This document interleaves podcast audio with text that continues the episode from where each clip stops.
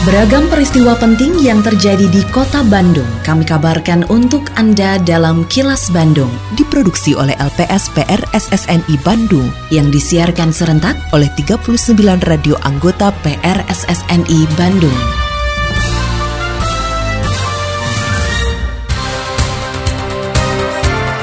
Sejumlah informasi aktual kami hadirkan untuk Anda dan inilah informasi utamanya.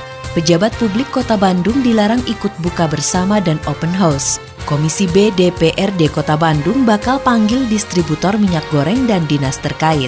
Peringatan Harsiarnas di Bandung jadi momen bersejarah. Saya, Santika Sari Sumantri, inilah kilas Bandung selengkapnya. Pelaksana tugas Wali Kota Bandung Yana Mulyana menegaskan para pejabat publik di Kota Bandung dilarang menggelar kegiatan buka bersama selama Ramadan dan open house saat Idul Fitri. Hal tersebut disampaikan Yana usai menggelar rapat terbatas Forkopimda dan Satuan Tugas Percepatan Penanganan COVID-19 terkait evaluasi PPKM level 3 dan penanganan COVID-19 pada Selasa kemarin. Yana mengatakan masyarakat masih boleh mengadakan acara buka puasa bersama namun dengan kapasitas 50% karena kota Bandung masih berada di PPKM level 3. Warga juga diperbolehkan mengadakan ibadah termasuk sholat tarawih di masjid dengan kapasitas 50%. Meski akan melakukan sejumlah relaksasi, Yana menegaskan pengawasan akan tetap dilakukan, terutama pada lokasi yang sering dijadikan tempat ngabuburit dan pasar kaget penjual takjil. Sedangkan tempat hiburan malam dilarang beroperasi sama sekali saat Ramadan. Jika ditemukan pelanggaran, pemerintah kota Bandung akan menyegel tempat tersebut. Uh, itu nanti kita coba atur di lebih detail itu ya. Tapi karena ada instruksi langsung dari Presiden bahwa pejabat publik tidak boleh buka bersama dan open house ikut buka puasa bersama dan open house. Wah, buka puasa mah boleh, masyarakat mah boleh. Tapi kan tempat itu kan kita ada regulasi yang ngatur. Kapasitas kan ada. Kafe kan tetap 50 persen, baru boleh. Ketersediaan kebutuhan pokok masyarakat saat ini relatif aman, tapi pasokan minyak goreng sangat terbatas. Bahkan harga minyak goreng curah mendekati harga minyak goreng kemasan. Hal tersebut disampaikan Ketua DPRD Kota Bandung Teddy Rusmawan usai melakukan monitoring ke Pasar Sederhana Kota Bandung bersama Kepala Dinas Perdagangan dan Industri, juga Kepala Dinas Ketahanan Pangan dan Pertanian Kota Bandung. Monitoring dilakukan untuk memantau stabilisasi harga dan ketersediaan sejumlah komoditas kebutuhan pokok masyarakat menjelang bulan suci Ramadan. Teddy mengatakan minyak goreng curah dijual seharga Rp25.000 per kilogram atau hampir sama seperti harga minyak goreng kemasan. Oleh karena itu, Teddy mendorong pemerintah pusat untuk menangani persoalan distribusi komoditas minyak goreng. Barusan kita cek yang sangat terbatas sekali, yaitu minyak goreng curah yang sangat terbatas rata-rata di barusan di para pedagang. Paling dia punya 5 sampai 10 kilo lah gitu, jadi sangat terbatas sekali gitu. Kemudian harganya juga itu barusan kita cek yang terakhir itu di angka 25.000 per kilo yang curah. Jadi udah hampir sama dengan harga yang kemasan. Jadi ini juga kita ingin memberikan dorongan kepada pemerintah pusat. Ternyata distribusi terkait dengan minyak curah ini hari ini sangat terbatas sekali.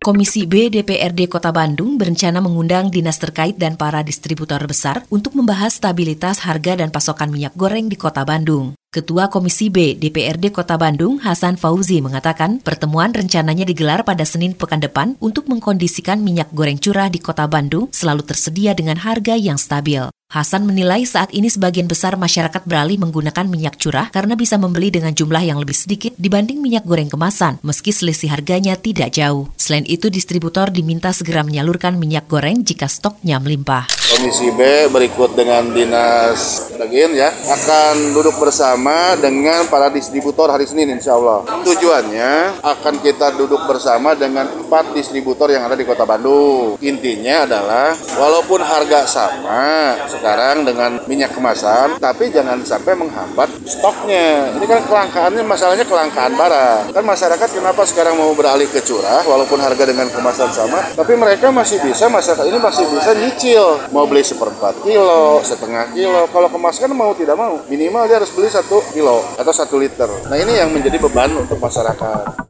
Pelaksana tugas Wali Kota Bandung Yana Mulyana mengakui belum bisa membuat kebijakan karena belum ditetapkan sebagai wali kota definitif. Menurutnya berdasarkan ketentuan yang berlaku, pelaksana tugas kepala daerah hanya bisa membuat kebijakan setelah mendapatkan izin dari Kementerian Dalam Negeri. Meski begitu, Yana menilai yang terpenting dalam melaksanakan tugasnya adalah semua program di Kota Bandung tetap berjalan sesuai rencana. Apalagi ia mendapat dukungan dari perangkat daerah dan satuan kerja pemerintah daerah untuk bersama-sama melaksanakan rencana pembangunan jangka menengah daerah atau RPJMD Kota Bandung dan menjamin tidak terganggunya pelayanan kepada masyarakat. Ya, saya orang taat asas, taat aturan. Ya kalau ternyata memang faktanya seperti ini, karena PLT kepala daerah itu di e, regulasinya ada empat hal yang tidak boleh dilakukan. Bisa, tapi harus izin Kementerian Dalam Negeri. Saya pikir program yang penting kan program. Ini selama ini alhamdulillah berjalan dengan baik karena ada Pak Sekda, ada Pak Asisten, ada para kepala dinas, teman-teman camat wilayah. Ini kan semua kita bersama-sama melaksanakan RPJMD-nya Kota Bandung gitu.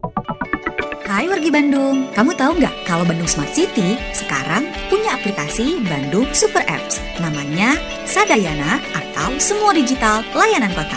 Nah, ada menu apa aja sih di Bandung Sadayana? Kamu bisa mendapatkan berbagai layanan publik, forum Smart City, marketplace, kalender event, CCTV publik, open data, informasi COVID-19, virtual event, info kegawat daruratan 112 bisa didapatkan di aplikasi ini. Wih, keren banget nggak sih? Setiap user akan tergabung menjadi bagian dari Bandung Smart City Forum dan dapat mengakses berbagai layanan publik dari pemerintahan Kota Bandung. Jadi, kuy, buruan download ya. Untuk informasi lebih lanjut, kamu bisa kunjungi website www.smartcity.bandung.go.id atau download aplikasi Bandung Smart City di Google Play dan WhatsApp Bandung Smart City di 0811 259 1810. Bener-bener deh Bandung Super Apps, satu platform untuk beragam kebutuhan. Pesan ini disampaikan oleh Diskominfo Kota Bandung.